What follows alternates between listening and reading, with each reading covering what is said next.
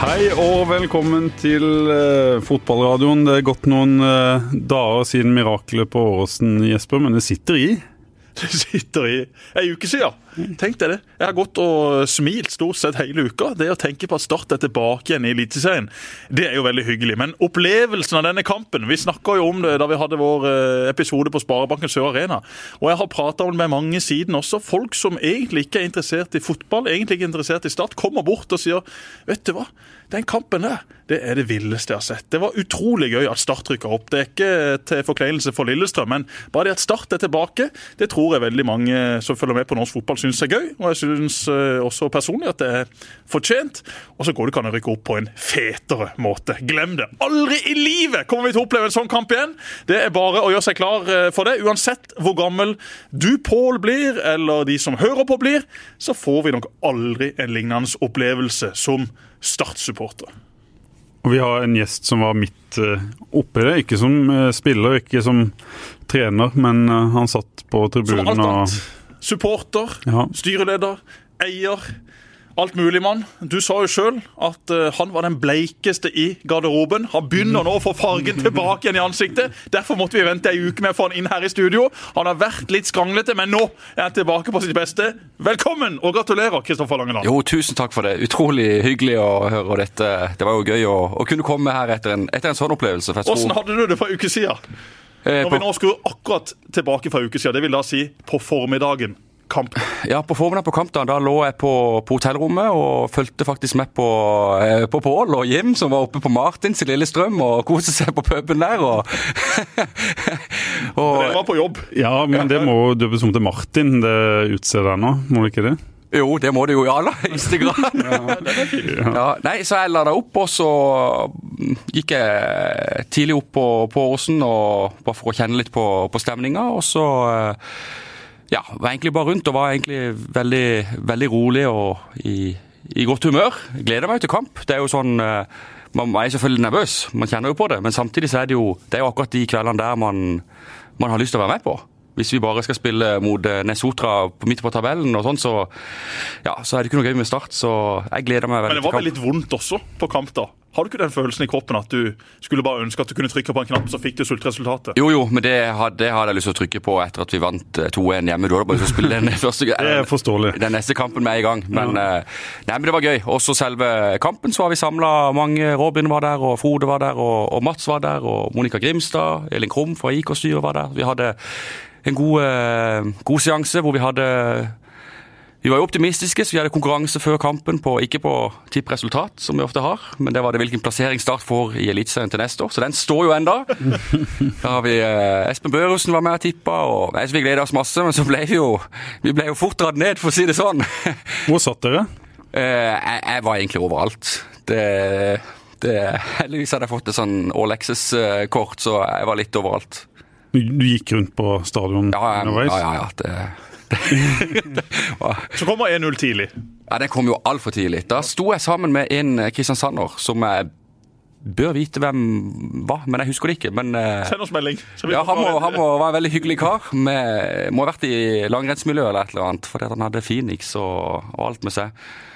Men eh, jeg tror han skjønte at eh, jeg var ganske langt nede der, så der måtte jeg forlate åstedet. Og så, ja, så var det videre. Så. Og så kom 2-0? 2-0, ja. Ja, men, ja, og så var det pause. Men da eh, da var man jo faktisk litt optimistisk enda, for dette levde jo i aller høyeste grad. Det var ett et mål til, så var vi like langt. Uh, Men Er du irritert og sur da i pausen av statlig grunn under 2-0? Ja, jeg er pissesur. Ja. Men jeg kan ikke uttrykke det, da. Nei, nei, nei. Men jeg er jo fly forbanna. Ja og tenker her må vi gjøre sånn og sånn, og begynne å, oppføre deg som en supporter? Ja, Hadde jeg ikke hatt en offisiell rolle i Start, så hadde jeg gjort som Jesper og fyrt løs på Twitter. ja. Og så ble det 3-0, og så ble det 4-0. Ja, nei, da var vi jo ferdig. Men ja. det, som, det, som, var litt um, De som var tett på sport, og det, der må vi gi kreditt til, til, Joey og Atle og Mathias Andreas og alle spillere. altså de, Hvis man ser på kampen på nytt, altså det, det la jeg merke til under kampen, du ser på Joey på 4-0, lar seg ikke stresse, faktisk klør seg litt i hodet, men de er innbitte. For de hadde ett av tre punkter før den kampen, var aldri gi opp. Og, eh, og så skal det sies så at andre omgang var jo helt annerledes enn en første. Det var et massivt starttrykk egentlig fra, fra starten av andre omgang. Selv om de ikke kom til de store kampene, nei, sjansene, så var det jo bare spill og, og mye innlegg. Og, og Lillestrøm kom på et par kontringer da som de Ja, han Sheriff hadde jo fått en rakett i, eh, Ja. i, i, Han var kjapp, så Ja, så, uh, vi, vi skal ta et lyttespørsmål med en gang, eh, Kristoffer, som er litt Ja. relevant. Uh, Lyttespørsmålet er hvor mange prosent sjanse for opprykk var det på 3-0 til LSK? Jeg vil tro at han mener 4-0, så vi får ta eh, 4-0. Ja, eh, det tok vi faktisk og simulerte dagen etterpå. For vi har, jo, eh, vi har jo noen datamaskiner som kan gjøre akkurat den jobben der. Eh, Og jeg må jo utfordre Jesper litt på Han er jo grådsekspert i TV 2? Jo da, jo da. Jo, da. så her, jo. så her er. får jo måle Jeg, jeg tippa før, før sending, så kan vi se om Ja. Jesper treffer Hvor lenge var det igjen å spille på 4-0? Var det 23 minutter, var det det? 23 minutter? Var det ikke det 67. at, Jo, var eh, det ikke det? Du må skåre tre mål. Nei, det var i 60. kanskje at 4-0 kom da. Men i 67. kom Starts første. Som, Du må vinne 3-0. ja. Du må vinne 3-0 på en halvtime. Ja, eller 4-1 23 eller minutter. 5-2. Ja, og så skal du da helst ikke slippe inn ett. Slipper du inn ett, så må du skåre enda ett. Eh, nei, hva er prosentsjansen for det? Den kan jo ikke være veldig stor. Skal vi se på oddsen, så står vel den der eh, jeg, jeg så jo det siste kvarteret kun på ei odds-side, for de ligger fem sekunder foran. Jeg turte ikke se den på TV, så den satt jeg og så på en benk nede i hagen på, på ei side da, som alltid er up to date. Men eh, det kan ikke ha vært mange prosenter ned. Jeg vil si eh, Hva hadde du fått i odds på at Start eh, gikk videre? Hva kunne du fått i odds på det? Eh, Jeg vil si at muligheten for å klare det er ikke mer enn ja, 3-4 Kan ikke være mer enn det. Iallfall ikke noe mer. Så det er da 250 i odds. Ja, så, men nå er det vel ikke sånn at du har 100% tilbakebetaling på, på de bookmakerne som, som vi snakker om nå. Men at du Ja, jeg, jeg, altså hadde du ringt til meg, Jesper, får vi 200 odds på å rykke opp nå? Ja, selvfølgelig får du det. Hvor mye vil du sette? så hadde jeg nå måttet selge huset dagen etter, da, men, men det måtte nå så vært. Jeg tipper 500 da, i, i odds. Ja. Har du fasiten? Jeg har, eh, jeg har fasiten. Det er vanskelig med en fasit i en sånn type kamp, men, men, eh, men fasiten er altså at eh, prosentsjansen er 0,06 prosent. 06. Så det er 6-7, så er det rundt sånn 1500 i odds, da. 1500 i odds. En av 1500 ganger går dette. Ja, En av 15. Og vi var der. Dere var der. Ja. Meg Pål var der. Kan du tenke det? Ja, jeg, var der òg, men bare gjennom TV-skjermen. en av 1500 ganger. Ja. Det er det villeste som kommer til å skje. Liverpool i Istanbul de hadde en omgang. Start hadde ikke det. Start ble rundspilt på bortebane i 75 minutter. Og så kom da denne her eh, Messiasen fra Manadal. Eventyrlig. Men eh, når de først fikk en, eh, Kristoffer, våkna, våkna dere da på tribunen? Ja, jeg våkna da. Eh, akkurat da så satt jeg ved siden av Kristoffer McCornacher, og da fikk jeg streng beskjed om å sette meg ned. Han var mye kaldere enn det jeg var. For det er, du, er, det er lett å si noe i etterkant, men på 4-1 så da var det jo virkelig i livet. For da visste du at det var ett til, så var det full fyr. Og jeg syns du så litt på, på Lillestrøm der at de, eh, de hang litt med huet når de fikk den her imot, altså. Så det er ikke for å være etterpåklok i det hele tatt, men jeg trodde på det da på 4-1, altså. Og så gikk det fort. Ja, det gikk jo veldig fort. 4-2, da fikk jeg troa. Da fikk jeg troa. Da satt jo Trine om kameraet i stua, da fikk hun også troa. 4-3, hva tenkte du da? Det er lenge igjen. Da, da har jeg hørt at det var veldig mange som har troa på 4-2, men når 4-3 kom så tidlig, så ble de livredde. Og, og vi mista noe av troa igjen, fordi de tenkte at Lillestrøm Nå kommer Lillestrøm til skåren og setter inn Frode Kippe. Ja, ja. Espen Børhusen blant annet. eh, ja, tror jeg, jeg tror det var han som sa det, at det var hans tanker når han fikk 4-3. Jeg tenkte akkurat det samme, og jeg satt eh, i Når andre begynte, så satt jeg satt ved siden av en litt eldre kar fra Lillestrøm eh, i første omgang der, og Du har vært eh, mye rundt på Åråsen. Ja, men han, jeg tror ikke han har helt fått med seg hvilken jakke jeg hadde på meg. Eh, men han Du kjente ikke igjen løvelogoen, da? Nei, han gjorde ikke det. Når, når vi satte oss ned i, i, i omgang, så sa han til meg sånn Ja, nå tar jeg til nå, så har vi det. Og, så måtte jeg bare si, si til han at ja, eh, ja det, har- det har jo vært kjempegode i, i første omgang, men men jeg heier jo på Start her, da. Å, gjør du det, ja?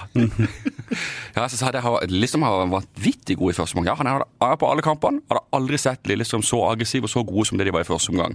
Så de var jo De fløy jo. Absolutt. De leverte sin beste omgang, uh, iallfall av de omgangene jeg kan huske fra Lillestrøm uh, i 2019. Ja, men han, med livet som innsats? men han gikk på Han gikk når uh, disse røykbompene begynte å komme ut, og da gratulerte han uh, Gratulerte han på vei ut. Så tenkte jeg ja ja, det var jo tidenes dings, da, men eh, det gikk jo. Ja.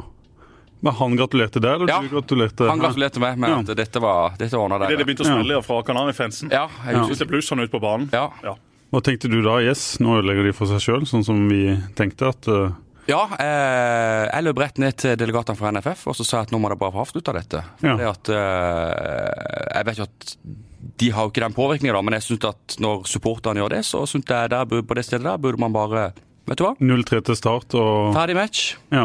Når de er så, eh, så dumme å, å gjøre det. Jeg hadde en prat med Mathias Andersson, som de diskuterte også det på benken. Hvorfor ble ikke kampen Ja. avbrutt på det tidspunktet? Hva hadde skjedd hvis Lillestrøm hadde skåra? Hadde dere hatt en god sak i Ja, det hadde vi etterkant? kjørt eh, ja, om pot- Det er jo umulig å spekulere i, men, men, men det var jo egentlig en skandale. Det burde bare vært blåst av. Ferdig med det. Og så har vi jo vår venn fra Jamaica som prøver å, å rydde opp, og i tillegg så ble det jo eh, Ja. Ja. Og så blåses sluttsignalet, og da kommer både Hegeland og Langeland i startfeltet ut fra benken på Åråsen. Ja, Det er jo da du ser hva liksom året har uh, tatt på. Både for det når, når Hegeland løper fra meg, da er du for tung, altså. så, så, Men den følelsen, da. Å få juble sammen med de du har jobba så hardt med, ikke bare i år, men nedturen i 2018, det nå å være tilbake igjen i det gjeveste selskapet. Det kan ikke finnes en bedre følelse. nei, det kan faktisk ikke det. Jeg merker at jeg blir jo litt rørt når jeg sitter her nå, faktisk. Men eh, i 2018 så var jeg, jeg var ikke så tett på da som det jeg har vært i år, på de på, på, de på sport. Jeg har blitt veldig godt kjent med de, og spesielt eh, Joey og Mathias og Andreas og, og Atle. og det er, det er veldig bra folk som jobber 24-7, og ja, de fortjente det noe så sinnssykt. Så det var gøy. Men du tenkte jo sjøl at du òg fortjente dette, eller? Nei, man får det man fortjener til syvende og, til syvende og sist. Og jeg vet med meg sjøl hvor mye jeg har uh, jobba med dette sammen med veldig mange andre, men dette handler ikke om Men det er jo ikke sånn heller. Du får jo ikke det du fortjener. Det vet jo du veldig godt med tanke på tilfeldigheter, flaks, uflaks. Det er så små marginer. Ja, du får det du fortjener, men du fikk jo det du fortjente fordi at Martin Ramsland plutselig gjorde noe han aldri kommer til å gjøre igjen. Ja, men jeg, noen gode venner av meg har sagt at Kristoffer, du har alltid flaks. Men liksom, man lager litt sin egen flaks, da. Ja da, enig i Men- det. enig i det. Men samtidig, det er så Ja, nei, men- ufattelig lite om å gjøre. Ja, men, uh, Men det er, vel- men det er jo mer enn tilfeldigheter som uh, spiller inn. En kan jo regne ut hva Selvfølgelig. sjansen selvfølgelig. er. Men jeg sier som uh, meg og Kristoffers gode venn Runa Ennestad, flaks er undervurdert. Flaks er veldig undervurdert. Og akkurat der så hadde vi jo litt flaks. Vi ser jo bilder av der, noen få bilder, annet et hvor eh, du kaster deg i armene på Afis Aremu. er vel den første kanskje du, du, eh, du hiver deg over der. Kenneth eh, Maier òg var du borte og klemte. Ja, det var jo Det synes jeg Kenneth Maier er en eh, supporter. en Stor Start-supporter, ja, men også en eh, stor kritiker av klubben på en Ja. del av de tingene de har gjort. Blant annet da på logoen, som da har, var hans store fanesak. Ja, men meg og Kenneth vi har et uh, Kenneth ville sikkert være enig i at vi har faktisk et veldig godt forhold. Vi, er, vi, har, eh, vi prater om mange Ikke mange ganger, men når vi først prater, så er vi stort sett enige om veldig mye, og så er vi uenige om, om mange ting. Men, men det, nå må vi passe eh, Språkbruken her blir ikke så bra, men den må bare bli sånn. Men, eh, for dette, det illustrerer hele poenget. Men plutselig så står jeg og klemmer på Kenneth Maier der i den, og han Og Kenneth han Langeland, din jævla idiot! Herregud, så gøy dette her var! så, så det var Det illustrerte jeg. Men det, det betyr Eller det viser egentlig bare at Start var det samler. Altså de, eh, og det skal jo være sånn, som jeg har sagt til Kenneth, at det at du har fighta så mye for, eh, for logoen, det syns jeg bare er bra.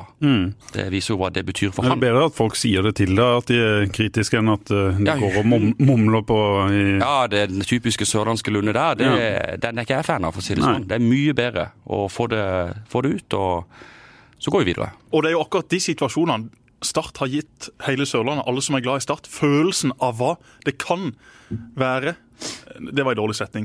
Følelsen hva det kan Altså, nå, nå sliter jeg med å bygge opp den setninga. Du har gitt alle Start-supportere en følelse av hva det vil si å kunne være Start-supporter. Yes, der satt han! Vi må fullføre litt med Kenneth, for det at uh, Nå blir mye Kenneth Maier, men, uh, men han jeg vet ikke hvordan du merket det på det, men han var i garderoben etter kampen. Jeg så det var noen Start-supportere der. Jeg så Kenneth og Ja, for det var Ken, for Kenneth, Kenneth kom hen Og så kom han seg inn der. Nei, det Poenget var at han var jo på banen, sto og klemte med oss, og så kom han hen og etter at det, det hadde roa seg litt, og så prikka han meg på ryggen og så sier han, du, Kristoffer, kan vi være inne i garderoben? Så ja, jo, jo, kan for så vidt. Ja, selvfølgelig kan jeg det. Nei, for du skjønner, hvis vi går hen der, så blir vi tatt av politiet. Men hvis vi sier at vi er med dere, så går det greit. så derfor hadde vi Kenneth og et par andre i garderoben. Så.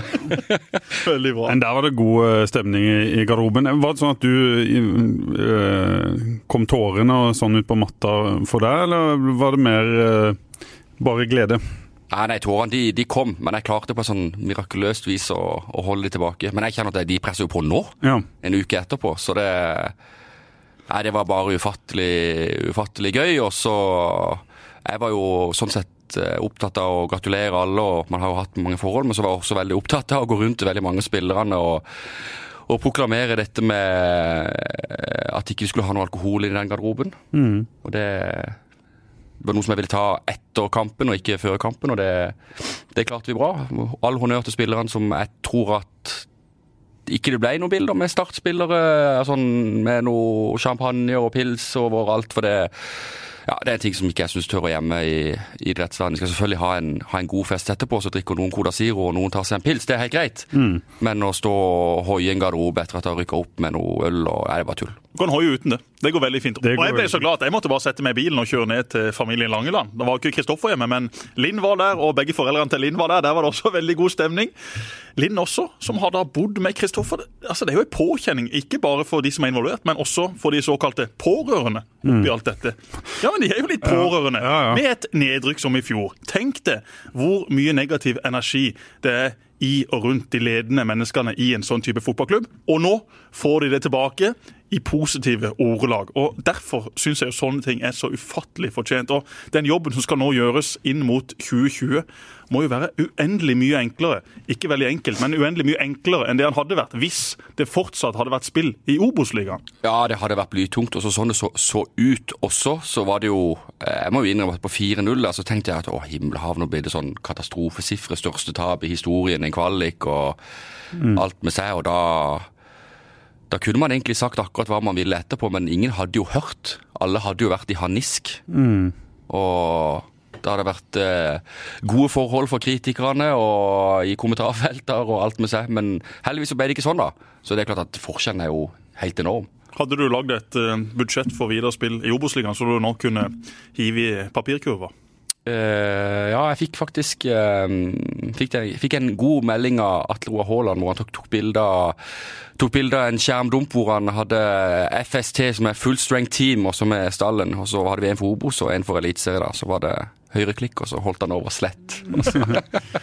Men vi må snakke litt om det, det som skal komme og, Ja. og inn mot neste år. Det er veldig mange som er interessert i det. Først det med økonomi. Vi har skrevet, og du har vel også sagt, eh, et sted mellom 10 og 15 millioner er forskjellen på inntekten i Obos-ligaen og Ja. Eliteserien. Ja. Det, det stemmer sånn Ja, det er, røftlig? det er et veldig godt estimat. Og så kan det jo bli betydelig større også hvis man klarer å, å bygge videre på en entusiasme. Så vil jo, vil jo man For Start ligger ganske langt nede på inntektssida. Vi eh, selv om vi rykker opp nå, så vil det være et, eh, det vil være et eh, fortsatt et tungt år økonomisk for Start. Det, og det handler ikke om at vi har eh, høye lønninger eller, eller det. Det er at klubben er nødt til å få opp inntektene.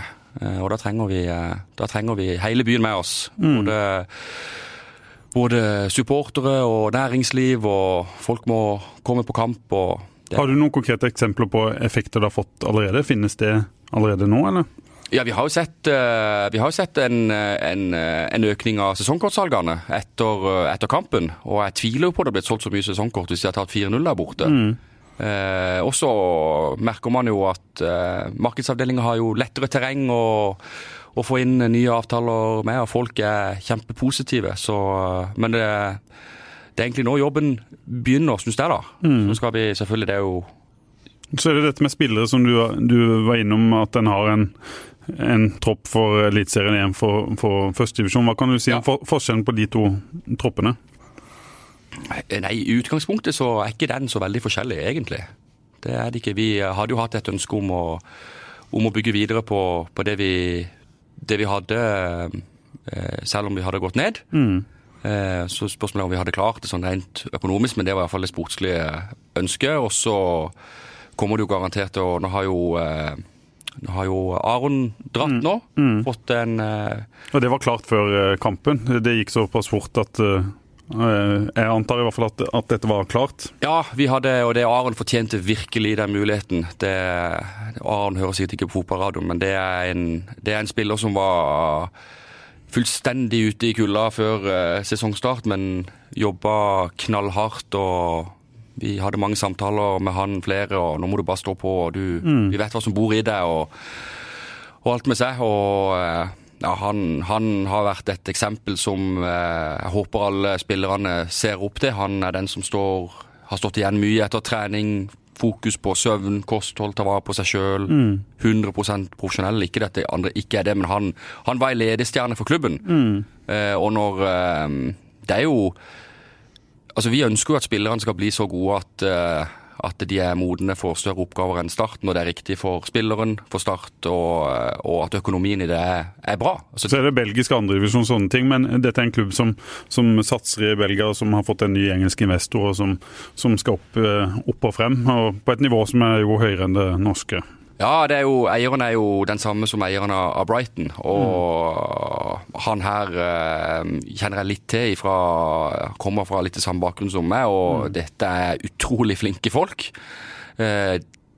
Vi snakka om odds i stad. Jeg tror det er mer sannsynlig at det laget der er i Europaligaen om fem år, enn at de ikke er det. Ja. Og dette er jo et lag eh, og en gjeng også som følger ekstremt godt med på alle ligaer. Så de har fulgt eh, Sigurd Larsson i, i lang tid. Og så er det jo mange som sier at ja, hvorfor skal du reise til en belgisk bakgårdsklubb? Og det forstår jeg når du ser på tabellen og ser at de spiller i nest øverste divisjon. Men her har han jo garantert gått kraftig opp i lønn, og han får da en mulighet til å være med i en klubb som kommer til å være veldig spennende å følge de neste årene. Og sånn, sånn må jo også Starts posisjon være. Mm. Larsson før sesongen, med Rekdal som trener, var jo null god match. Så har jo Joey kommet inn og dere rundt og har også tatt ansvar og prøvd å få han til å fungere. og Det er jo fort gjort å bare sitte og snakke om Martin Ramsland, men vi må ikke glemme hjemmekampen mot Lillestrøm, som ga Start et godt utgangspunkt. Og Der var jo Sigurdarsson den som på mange måter ordna biffen.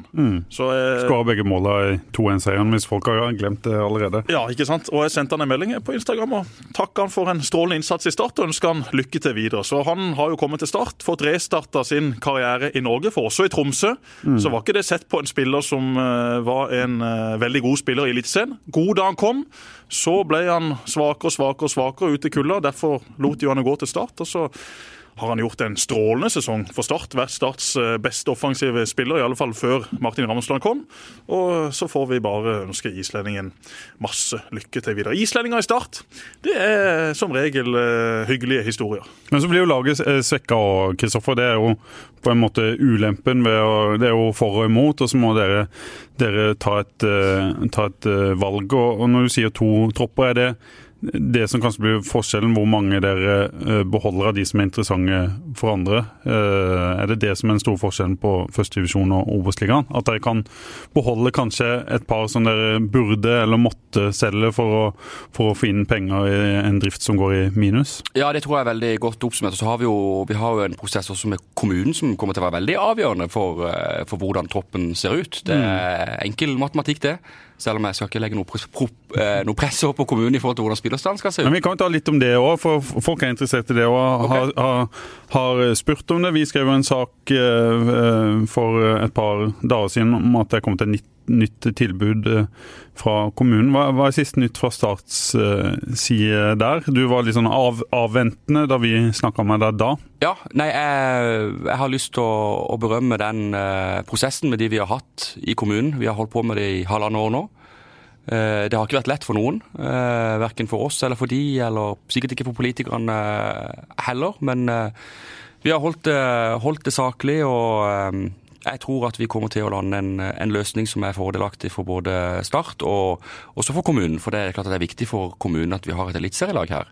Ikke bare stoltheten i det, men man må ikke glemme at, at Start er en av de kanskje største bidragsyterne i form av det er en bedrift. Vi har mange ansatte som, som, som bruker sine penger på, på Frivoll, på Kiwi, mm. som kanskje ikke ville gjort det hvis ikke det hadde vært for Start. da.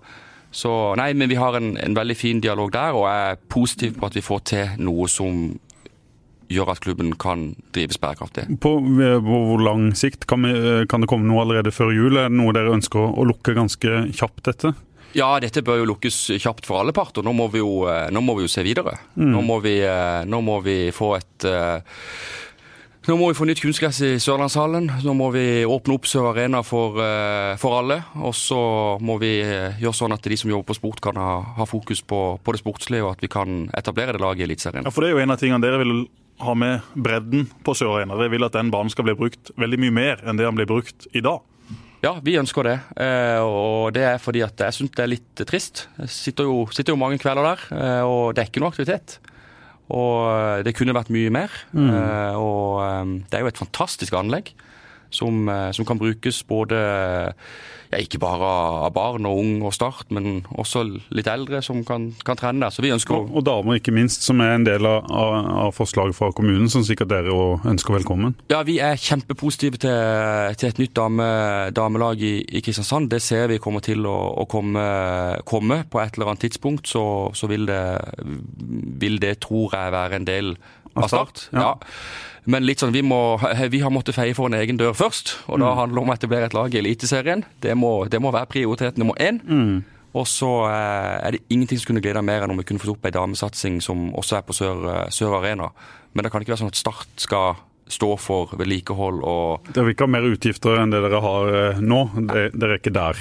Nei, dessverre. Så må jo kommunen legge seg litt i selen. Tenk deg for en reklameplakat Start F for Kristiansand, for Sørlandet. Ja, vi har Dyreparken, vi har Henning Olsenis, og så har vi Start. Mm. I går var jeg i Oslo. Møtte masse folk som jeg kjenner som jeg ikke kjenner. De kommer bort, de gratulerer. Jo Nesbø hadde vi en podkast i TV 2.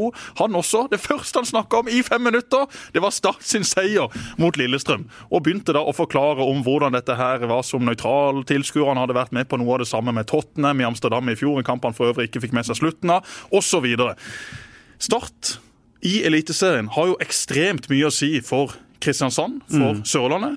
Fotballen i Norge er kanskje ikke på høyden, men eh, den kommer nok til å komme igjen eh, om ikke altfor lang tid.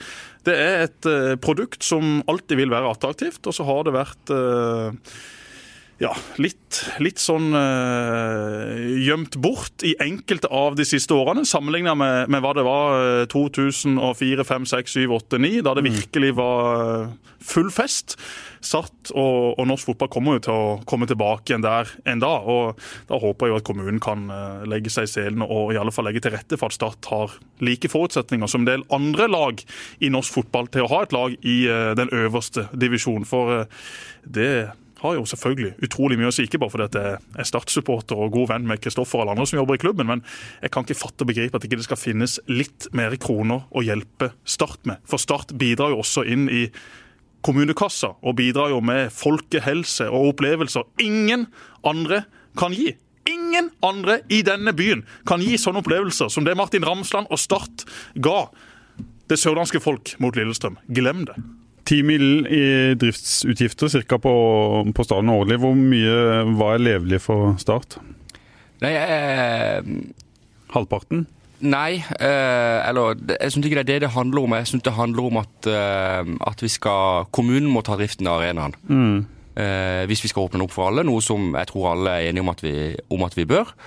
Og så, så, skal Start betale leie for å spille kamper der i Eliteserien og, og, trene der. Og den leiesummen må jo da være, må jo være sammenlignbar med, med hva andre klubber betaler i, i, eh, i leie. Så eh, men eh, jeg har jo lyst til å få frem at jeg ser jo en veldig positiv trend fra Gram Fjellvang, som vi har dialog med fra administrasjonen. og jeg tror også jeg har fått litt meldinger fra politikere som, som gleder seg til Eliteserien. Og ja. jeg tror jo dette kommer til å, å gå greit. Ja.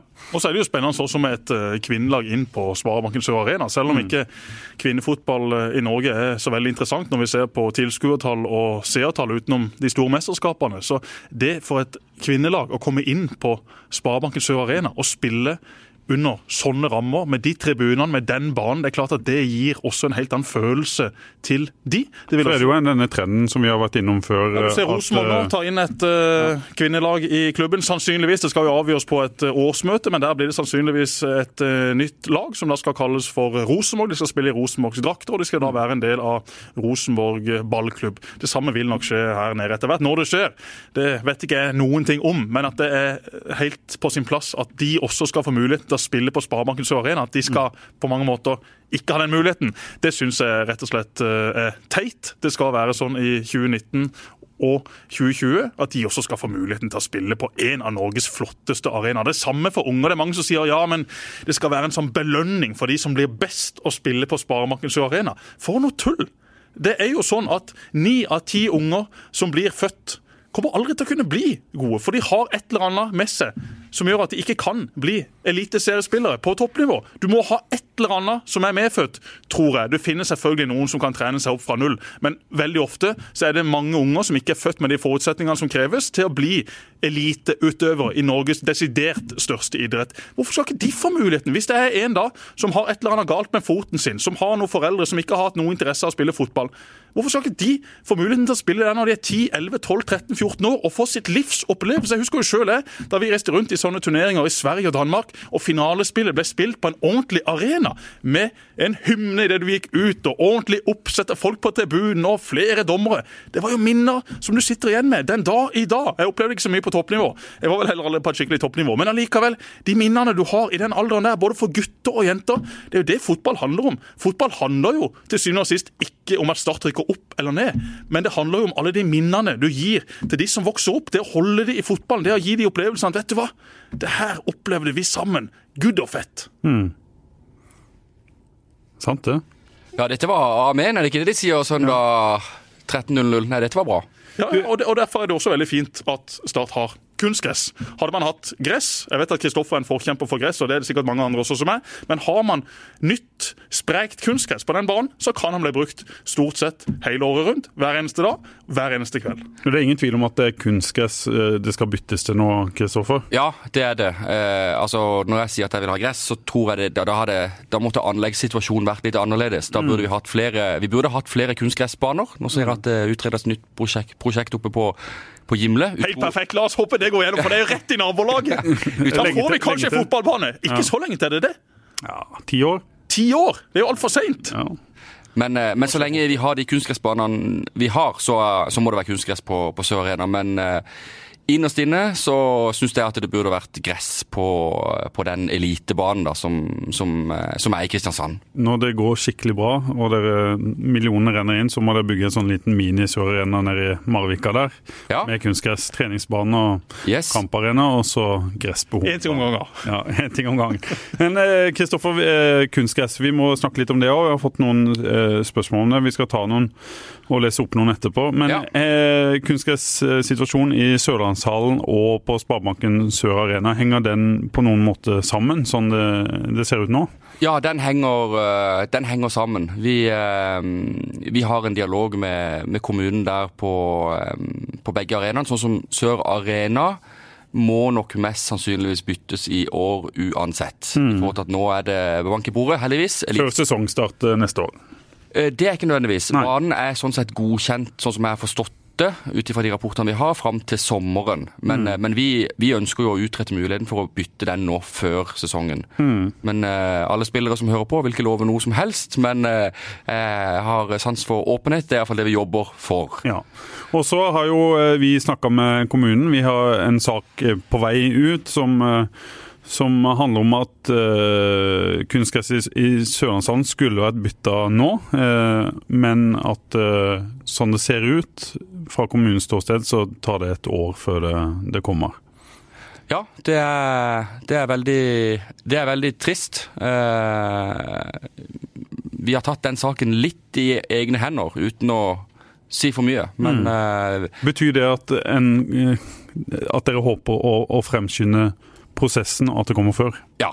Det, for vår del så vil det være fullstendig katastrofe hvis ikke det, hvis ikke det er nytt kunstgress i, i Sørlandshallen eh, når vi skal begynne å tre... Altså, vi har planlagt treninger, kamper. Hva betyr det at dere har tatt det i egne hender? Betyr det at Start må eventuelt eh, ta en større del av potten, eller en del av, potten for å få dette til eh, så fort som mulig? Ja, Nå, nå vet ikke jeg hvordan reglementene er på det, men, men vi har vært veldig tydelige på at det kunstgresset, det må opp. Og jeg syns faktisk ikke at det handler ikke bare om Start. Altså Dette handler jo om alle disse som Jesper prata om i stad, mm. som har gleda seg til å spille. Snakka akkurat med en kar her som skal arrangere turnering for damelag i, i januar. Der laget nå trukket seg. for det. Ja. De fikk, eh, var en spiller som ble skada i fjor, og de ønsker ikke å spille på dekk i skandale! En skandale! Se hvor mye penger vi bruker på alt mulig annet møl i denne byen, i dette landet. Så kan vi ikke ha ordentlige kunstgressbaner. Kristiansand stadion der tør jeg nesten ikke gå tur engang, for du tråkker jo over. For det er jo som å gå på en åker, og det er kunstgressmatte. Har ikke vært bytta på 100 år. Jeg husker jeg var og trente der for ti år siden. Selv da var banen ræva. Nå er det veldig mye verre. Det at unge norske spillere eller gamle mosjonister eller studenter fra UiA som er nede og spiller denne dumme idretten lacrosse, skal løpe rundt på det dekket der eller ute i Sørlandshallen. Det går jo ikke an. Start kan ikke trene i Sørlandshallen. De kommer til å ødelegge kne etter kne etter kne. Og det kommer til å være en katastrofe, ikke bare i korte løp, men også i det lange løp. For spillere som har trent der. Jeg sitter her sjøl med to fryktelige knær, og grunnen til det er Sørlandshallen, tror jeg. Fordi at der trente vi to ganger tre timer om vinteren, økt etter økt etter økt, på det som nesten var betong. Mm. Og Nå er vi kommet til 2019, og det har fortsatt ikke skjedd noen 2020 ting. 2020 snart til og med. Ja, noen få dager 2020. Da er dere fryktelig sent ute, men det kan jo faktisk være. Og Det som også er da synd, er at Start har jo hatt det som sin uh, treningsarena hver eneste mm. vinter. Start har gode resultater der ute. Jeg har tapt én kamp i mitt liv der ute. Og hvorfor det? Jo, fordi dekket er veldig annerledes sammenlignet med veldig mye annet. Det er så slitt, det er så gammelt, det spilles en helt annen type fotball. Det du øver på der, blir en helt annen type fotball idet du går ut på en annen matte. Og det også er jo synd. Du må få det kunstgresset up to date. Mm. Og nå vet ikke jeg alt av budsjetter i kommunen eller hvordan dette fungerer, men at det ikke finnes noen kroner om banen må tas neste år, eller om banen skal tas i år, selvfølgelig. Ta den i år, da. Gå nå ut og så hør om ikke det er noen mennesker i byen som er villige til å låne inn noen penger da, til kommunen. Så kan man få lagt det gresset nå så kan kommunen betale tilbake neste år. Så vanskelig kan det ikke være. Får dere det til, Kristoffer? Eller dere og kommunen? Jeg håper det, og det er viktig for meg å få fram at uh, vi har en veldig fin dialog på akkurat dette. Mm. Og jeg tror det kommer til å, å løse seg. Ja. Betyr det at uh, vi allerede kan få se treningskamper på nytt dekke i, i Sørlandshallen i, i, vinter? Ja, jeg håper jo det av, hele mitt hjerte. Jeg tror Hvis ikke vi får nytt dekke, så blir det ikke noen treningskamper i Sørlandshallen. Nei. Det, ja, det kan jo ikke spille kamper på det, det er ikke det har vi, vi har gått mange runder på det. Eh, og når, eh, når Joey, som er verdens snilleste mann på noen områder, samtidig som han er knallhard på andre, så han sier det, det er ikke forsvarlig å spille kamper der ute. Hva gjør dere, hvis, eh, hva gjør dere nå i, i, vinter hvis dere ikke kan trene i Sørlandshallen? Ta den humoristiske humoristiske vinklinger på det først, så må vi inn på restplass.no, så må vi sende fire til Ayanapa, da, og så må mm. vi ha seks til Kos. Mm. Så får vi se hvordan det går. Nei, vi, vi skal finne løsninger på, på, på det. Og, og ha... Men Handler det om Sør Arena, det da, å kunne trene der? For det er tross alt et bedre underlag? Ja, Sør Arena er, er, bra, og der, eh, den må vi i tilfelle holde, holde klar. Eller så må vi jo må vi jo bruke en del midler på en uh, utenlandstur som blir fryktelig dyr når du må bestille den eh, mm. tre uker før avreise. Ja. Det er alternativene. Ja, det må gjerne komme innspill. Jeg må jo bare krysse fingrene for at det er 6-7 grader gjennom hele vinteren. Ja. Det kan jo skje. Froland er jo mitt eh, tips, da. Froland? Ja. Der har de spillvarme og grønn bane hele året. Ja, Da blir det Froland. Hvor langt er det til Froland? Nei, Det er ikke langt. 50, min 50 minutter å kjøre. Ja blir det Froland. Ja. Mye startturné i Froland i år, da. Kommer til å selge mye sesongkort i Froland. Joey, kan du si noen ord om han? Har ikke han vokst veldig i løpet av denne sesongen? Det er iallfall mitt inntrykk av vår islandske venn. Ja, jeg, jeg, jeg, må holde meg unna de sportslige karakterene han trener, for det, det kan ja, ikke jeg opp, det, det, kan ikke jeg snakke om. Den men, men som person så er det jo en helt fantastisk person å, å jobbe sammen med. Han, eh, han, eh, Nå har vi i løpet av denne sesongen her, da, så har vi da Eh, vi har solgt eh, de to På de tidspunktene de ble solgt, da kanskje de to beste spillerne våre. Eh, Tobias og, og, og Aron. Og, og, det å ha å jobbe sammen med en, en trener som forstår helheten hva gjelder økonomi og det at man kan få inn noen andre, og helt, helt utrolig. Så hatten av for Joey. Her tror jeg vi har en en, en ny potensiell Brede Skistad. Uten at jeg kjente han veldig godt, med fra hva jeg har hørt. Du må, du må, si litt i den forbindelse Kristoffer, om, om, det som har vært og det som skal komme, om kontinuitet og, og hvordan dere, dere, tenker. Du har jo sagt litt at ting gikk kanskje Ja, at det ble tatt noen feilvalg ja.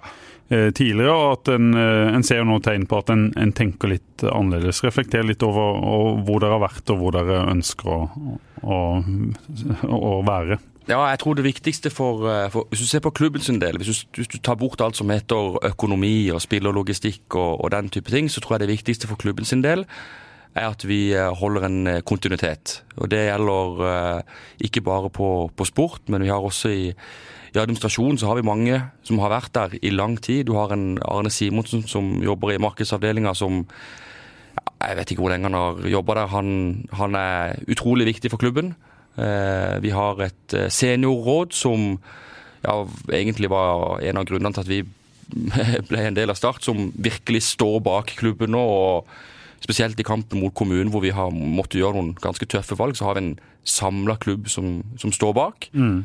Uh, Mathias Andersen er kommet inn, Andreas Jensen har vært der uh, i mange, mange, år nå. Vi har fått inn flinke folk i, uh, i støtteapparatet med, med, Rune Hægeland og Atle Tunselle og Pål Erik Pedersen, som ja, spesielt eh, Det som jeg er interessert i, er jo litt dette med fysisk trening og all data vi tar i bruk. Altså, jeg tror ikke, tror ikke folk helt forstår hvilket nivå Start ligger på nå i forhold til det.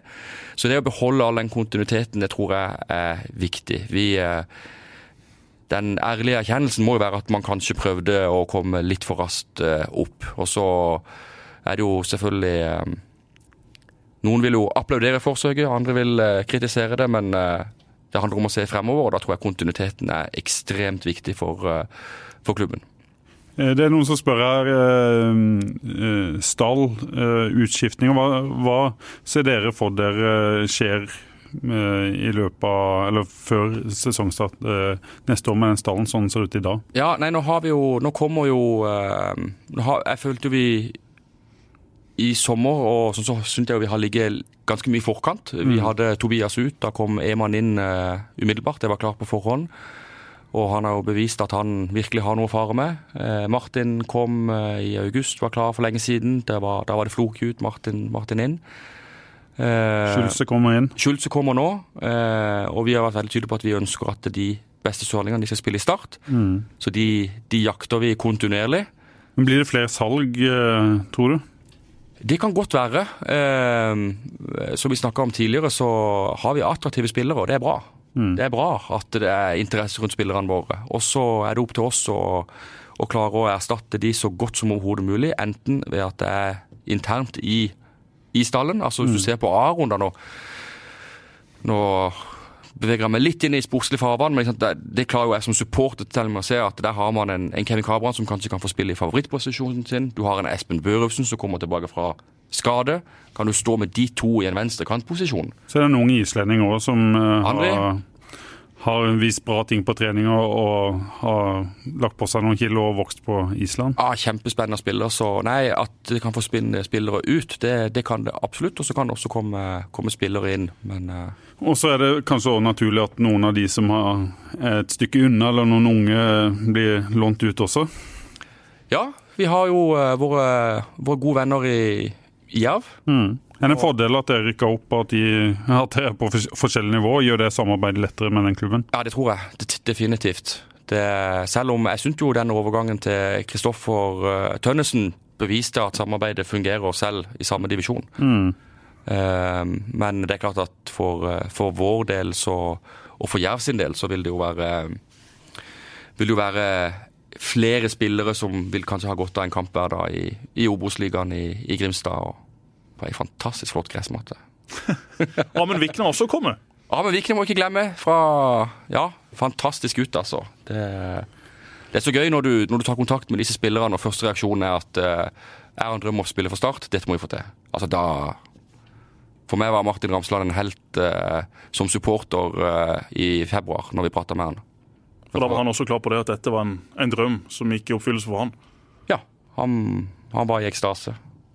Så eh, Og Om Amund Vikne, jeg hørte en podkast fra Stavanger Aftenblad før cupfinalen. og Da Bjarne Berntsen skjønte at Amund Vikne ikke kom til å få eh, cupfinalegull, så ble han eh, fryktelig sinna og gikk rett til NFF og sa at her skal alle ha, hvis ikke så kommer vi nesten ikke til Ullevål. For Nei. Amund Vikne er den mest profesjonelle spilleren vi har i, i Viking. At han ikke skal få den eh, medaljen hvis vi vinner, det, det går ikke jeg med på, sa Bjarne Berntsen. Jeg hadde det med en kjøretur med Kurt Hegre, keepertreneren til Viking, og Erik Rutfold Pedersen, tidligere keepertreneren til Start, i sommer hjem fra Porsgrunn. Og da snakka vi naturligvis en hel del om keepere. Det var stort sett det vi satt og prata om. Og da eh, var eh, Kurt veldig på dette om at eh, Amund Vikne var den mest proffe keeperen han nesten noensinne hadde trent. Nå har jo Viking eh, gode keepere i Iven Austbø, og henta de også hjem Arild. Østbø fra Rosenborg, så der er konkurransen knalltøff. Men det at Start får en lokal spiller, er jo gledelig. Og det at han også da er så proff og, og så ærgjerrig, det tror jeg gjør at han på et eller annet tidspunkt vil være et klart førstevalg i Start. Selv om Jonas Dormeland er der eller ikke. For Vikne er på vei opp og fram. Og Og to veldig forskjellige keepere. Det er også veldig spennende. Der, Jonas kanskje er en stabil keeper som kanskje ikke har sin styrke med beina i gangsettinga, så er vel Amund Vikne kanskje regna som en av Norges beste keepere på ja, så er akkurat han det feltet. ekstremt reaksjonssterk. reaksjonssterk. Det sier de også, at eh, på strek og, og i den delen av spillet så er han eh, veldig, veldig god. Og så kan han selvfølgelig også utvikle seg videre på, på andre områder. det Han kan ikke bli høyere.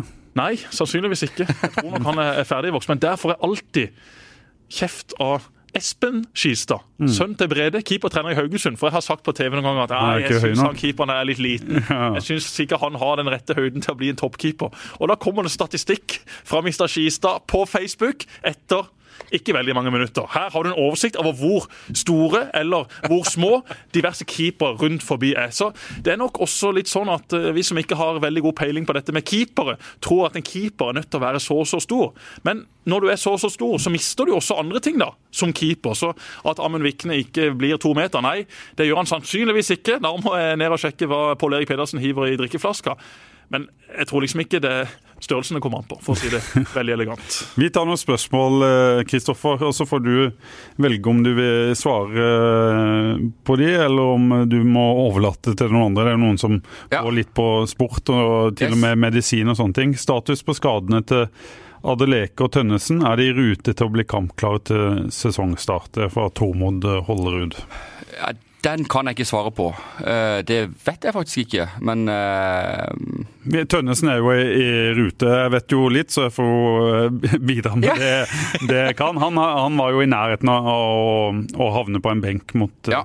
mot Lillestrøm. Og så er det jo Adeleke, da, som har vært hos spesialist, har vi hørt i, i Italia, som har hatt problemer etter operasjonen, rett og slett. ja, nei, det er ikke noe hemmelighet at det har blitt eh, langt mer komplisert enn det man hadde sett for seg og, og håpet på. Så vi får bare, vi får bare krysse fingrene for at eh, for Men det at- som er sagt om Adeleke, er vel at en håper han klar sesongstart, eh, eh, sånn det ser ut nå.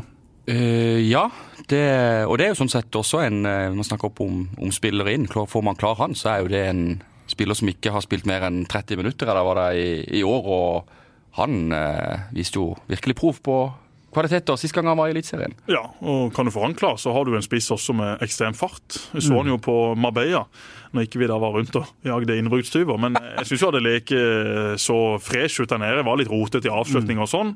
Men han bringer jo noe nytt inn i det laget, så det blir jo ekstremt viktig å få han på plass. Ikke bare det at Start har brukt mye penger på fyret, men også for hans egen del. Så, så håper jeg virkelig det. Det å komme til et eh, helt nytt land og, og ha så store forventninger på seg, og så skal du egentlig da og gjennomføre en en operasjon som da kanskje ble litt mer komplisert enn det man så for seg. Det blir viktig for Start å få han tilbake, for du er avhengig av å ha den type spisser også, ikke bare en sånn Ramsland, Bringaker-type som kanskje er litt like. Så får vi håpe han kommer tilbake, da. At, eh, jeg skjønner jo at eh, en er litt bekymra òg i, i, i startmiljøet, men vi får satse på det. Eh, nå kommer et useriøst, useriøst eh, spørsmål. Kan kvaliteten på pølsekokinga på Sør Arena også rykke opp en divisjon, slik at de blir servert varme og ikke romtemperert? På, om pølsene kan Rykke opp en divisjon. ja, det bli mer varme i pølsene på Sør Arena? Det er en som er litt misfornøyd med skulle, han- skulle han koke pølsene? Ja, det Ja, da, må var vel han, en som... da må han jo begynne hjemme på hjemmebane, for pølser skal trekkes, de skal Ja. ikke kokes. Hvem er det som spør? Nei, det det Hollerud det òg, tror jeg. Hollerud jeg tror han spiller baseball, faktisk. Ja, det gjør. Hollerud er jo en stor Start-supporter, har vært i mange år. Det er han. Har også en bror som er stor Start-supporter. Eh, Han er vel eh, lensmann i Søgne. ja. Men Rollerud Ja, er sikkert ja. godt for det der. han. Er sikkert godt for det tilbudet til, til Agna, vet du, på, fra 70 minutter utover, hvor det er halv pris på pølser. Og da er det klart at da er de jo like kaldere. Ikke sant? Men eh, nei, vi skal ta opp den med Agna som, som driver kioskene på arenaen, at vi skal få mer, eh, få mer eh, temperatur i pølsene. Så kommer noe vi har vært litt eh, innom. Hva kreves for at stat skal kunne drive i balanse år etter år? Det har jo alltid vært økonomien som har felt Start tidligere. Det er Ja. Lars Martin Gimse som, som spør. Gimse, ja, det er Han var på Åråsen. Ja, det, det Og han er har vært på Twitter. Han er stort sett på Twitter. Uansett om han er på jobb hos Dagbladet, Ja. på Åråsen, eller da hjemme. Ekstremt aktiv på Twitter, og en stor, stor Start-supporter. Ja, han prøver, prøver å slutte å snuse, da. Det har vi fått med oss på, på har begynt med det nå. Twitter. Ja. Det er kjempeenkelt. Du må bare gå inn for det, så går det Du må bare slutte, er ikke Ja. det svaret? Jo, så får du litt vondt i hodet og, og Nei, men eh, hva som skal til for at økonomien til Start skal være stabil? Eh, da er det sånn at eh, vi er nødt til å ha en eh, bærekraftig avtale med kommunen. Den har tynga Start i mange år. Start solgte først kontorlokalene sine, så solgte de spillerne sine. Og så var det ikke så veldig mye mer igjen å selge. Eh, og så kom vi inn og betalte full leie i fjor, og vi ønsker ikke å gjøre det lenger nå. Vi må få med oss næringslivet. Det er ikke sånn at uh, Starten drøm med fire, fem, seks eh, privatpersoner klarer å dette alene. Alle må være med. Uh, og det tror jeg jo kanskje blir litt enklere nå, hvis man har kommet opp en divisjon og kanskje man har staka ut en kurs som folk kan assosiere seg mer med. Men nå har vi, har vi ikke ni sørlendinger under 23 år i stallen, tror jeg. Og ganske mange av de er jo ganske gode også, etter hva jeg klarer å, å se. Så vi må få med oss uh, næringslivet, og så må vi i klubben vi må jobbe knallhardt på å være gode på spillelogistikken. På å få det laget til å være Det laget bør sånn sett ligge på en sjette- til åttendeplass kvalitetsmessig for at du skal unngå den eh, store nedrykksfaren. Altså Når du går opp i Eliteserien, så er det da to lag som går rett ned. To av 16. Det er én av åtte, det er 12,5 før du begynner. Så regner du med at Rosenborg og Molde kanskje er bedre enn det er i utgangspunktet, så da er den kanskje oppe i 15 mm. Da går du ned hvert sjette år. Eh, så den må vi jobbe med. Eh, og så egentlig fortsette med å eh, være nøkterne og få mest mulig ut av, av det vi har. og ja, Få med oss eh, supporterne, ikke minst. Der uh, syns jeg jo man så noe eh, unikt, eh, i hvert fall hva jeg har sett i vi, hadde, vi hadde kamp mot Vålerenga i fjor i Eliteserien, hvor det var mange. Men liksom den stemninga som, eh, som supporterne bak målet til Lillestrøm eh, til Maric ga i andre omgang der, skal ikke undervurdere at den kanskje Sugde innom baller der på Ja. slutten. Det er jo fantastisk. De må vi få med. Selvfølgelig. Og um, i enda større grad. Samarbeidsklubbene, da. Ikke minst. Altså, det... Klubbene på Sørlandet, Hva slags jobb gjør klubben ut i distriktene for å øh, dyrke Start, for å gjøre Start en øh, stolt aktør også i Froland eller i Lyngdal? ja, nei, der, eh, der må jeg skryte av de som jobber i eh, utviklingsavdelinga og i klubben generelt. Der har man eh, virkelig gjort en, et godt stykke arbeid. Og vi kan garantert bli enda bedre enn det det, det det er nå, men nå har man altså samarbeidsavtale med de sentrale klubbene i, Kristiansand, hvor eh, det ikke lenger er noe tema om han skal til start, eller det, Dette gjøres i fellesskap, og man vurderer hver enkelt spiller opp mot situasjonen som er. Det ligger klare premisser på hva som skjer med økonomien, eh, med et eventuelt salg, og hva som skjer når han skal til start. Så det, eh, det er viktig å, å få med videre. og om jeg jeg fikk en en e-post av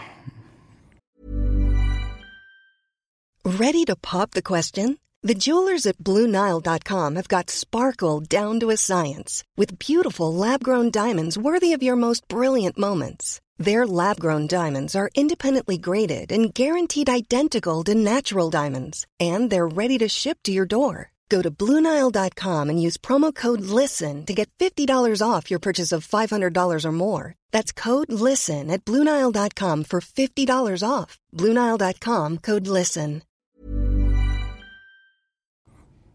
Det blir jo noen e-poster i løpet av en dag. Ja, men jeg syns den var så utrolig eh, beskrivende, for eh, det er fra Sten Pedersen i, eh, i Randesund, som sender da til mange som jobber i Start. Hei gutter, på vegne av RIL, gratulerer. Vi gleder oss på Starts vegne at dere fikk betalt for innsatsen som er lagt ned. Det var en julegave til fotballen på Sørlandet. Vi er stolte av å kunne være samarbeidsklubb, og takker for opplevelsen dere ga Sørlandet i går. Ser frem til et fortsatt godt samarbeid, og gleder oss til fortsettelsen i årene fremover. Med sportslig hilsen Sten. Den gjør godt for alle som jobber i Start. Ja.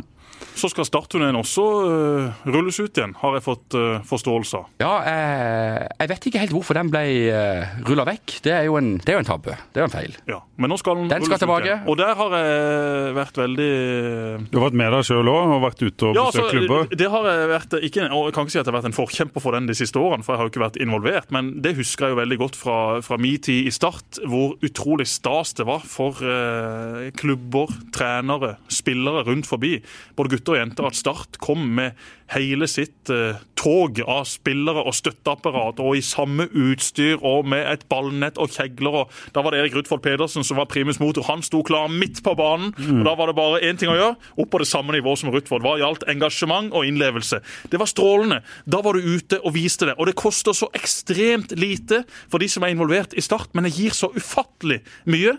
Så det bare håper at Start virkelig tar på alvor. At de nå eh, det neste året virkelig reiser rundt, besøker, setter opp økter, byr på seg sjøl, smiler, ler, skriver autografer, tar selfies. For selv om ikke alle disse folkene vet hvem som faktisk kommer, eller hvem de tar selfier med, så er det noe helt spesielt å bare se at det kommer her en buss med eliteseriespillere som ruller ut, som lærer oss ting på tilslag, på teknikk, på væremåte, på respekt. De tinga der, det er den aktøren Start er nødt til å være. Er du den aktøren i litt lenge, altså i et par år, så vil du etter hvert kunne høste fruktene av det. Og skal Start overleve som klubb, vi er inne på dette med kommunen, økonomi, spillelogistikk og alt. Men det viktigste, tror jeg, i det lange løp, er at man virkelig får Sørlandet til å fungere da sammen med Start. For tenk deg den poolen av spillere du har. Tenk deg hvor mange spillere som kan komme opp gjennom systemet, som Start kan bruke i fire, fem, seks år, og så selge til utlandet. Og så får både Start og ikke minst da samarbeidsklubben godt med penger inn på konto. Der har Start og Sørlandet feila i en del år. Ja, Vigør, har klart det. Få Vigør er strålende, men dessverre så er det ikke sånn at alle klubber på Sørlandet er som Vigør. Hadde alle vært som Vigør, så hadde Start hatt eh, små problemer med det ene og det andre. Vigør har vært fantastiske på dette, men at Start kan rundt og lære å få med seg enda flere klubber til å bli som Vigør, der ligger det en nøkkel. Og det er jeg glad for at Start nå igjen tar på alvor. Jeg skal si et spørsmål, Kristoffer, som, Ja. som er kanskje litt mer personlig, men det handler jo om, om eh, Start òg, og, deres eh, på en måte private eh, pengebruk, som mange lurer på. Dere har jo dekka et underskudd, dere som er investor. Og, vi skrev vel i fjor at, at 60 millioner er brukt allerede. Det kan nærme seg kanskje 100, eller rundt eh, 100 etter dette året. Hvor mye har dere å, å gå på? Det spørsmålet har Steffen stilt meg mange ganger, og som jeg har sagt til han, jeg kan ikke pra- prate på, på vegne av andres privatøkonomi. Det blir, eh, det blir veldig feil. Eh, Men jeg kan pra- prate generelt i forhold til de investeringer som man har gjort i Start. Så ønsker man jo å, eh, å, stå, eh, å stå videre med det, og forhåpentligvis eh, kunne, kunne bidra til at, eh, at vi får etablert laget i Eliteserien.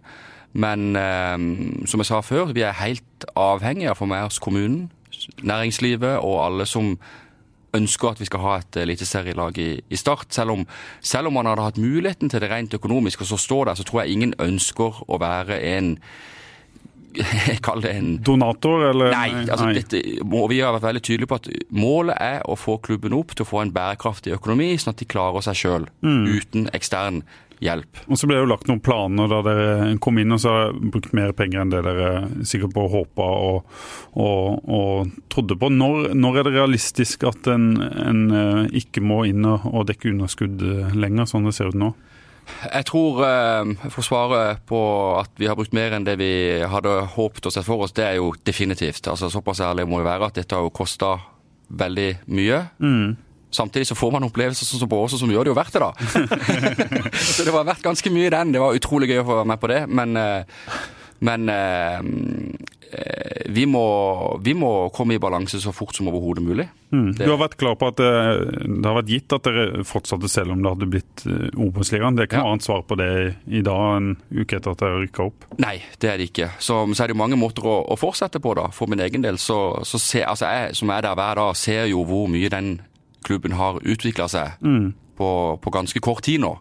Og nå har jeg skrytt veldig mye av veldig mange av de menneskene, så jeg håper ikke jeg glemmer noen som jobber der. Men det er en Det jobbes knallhardt, og alle forutsetningene ligger der for å få det til. Altså, Odd har 40 millioner i sponsorinntekter.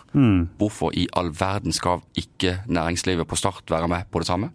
De Eller, eller mer, til og med. ja, de har, eh, altså de har Telemarksmodellen, og jeg håper vi beveger oss litt inn i det. Og så har vi eh, idrett generelt på Sørlandet. Altså nå, nå har vi, eh, nå har vi eh, eh, Vipers, som gjør det kjempebra på håndballen. Utrolig gøy. Og ikke minst gøy at, eh, at man får Jeg fikk en personlig melding fra Terje Markussen som gratulerte og som dette var gøy. Og nå må vi stå på Kristoffer på å få med næringslivet og kommunen på at vi kan ha Dere kjemper litt samme kamp i forhold til, til leie og sånne ting, selv om det ikke kanskje er helt sammenlignbart. Jo, men vi gjør det. Altså, liksom, vi, av og til så kjemper vi om de samme sponsorkronene, men inngangen må jo være at eh, sponsorene, de, eh, de som bryr seg om idrett, de bruker penger på håndball, og så bruker de penger på fotball, og så bruker de penger på andre idretter også.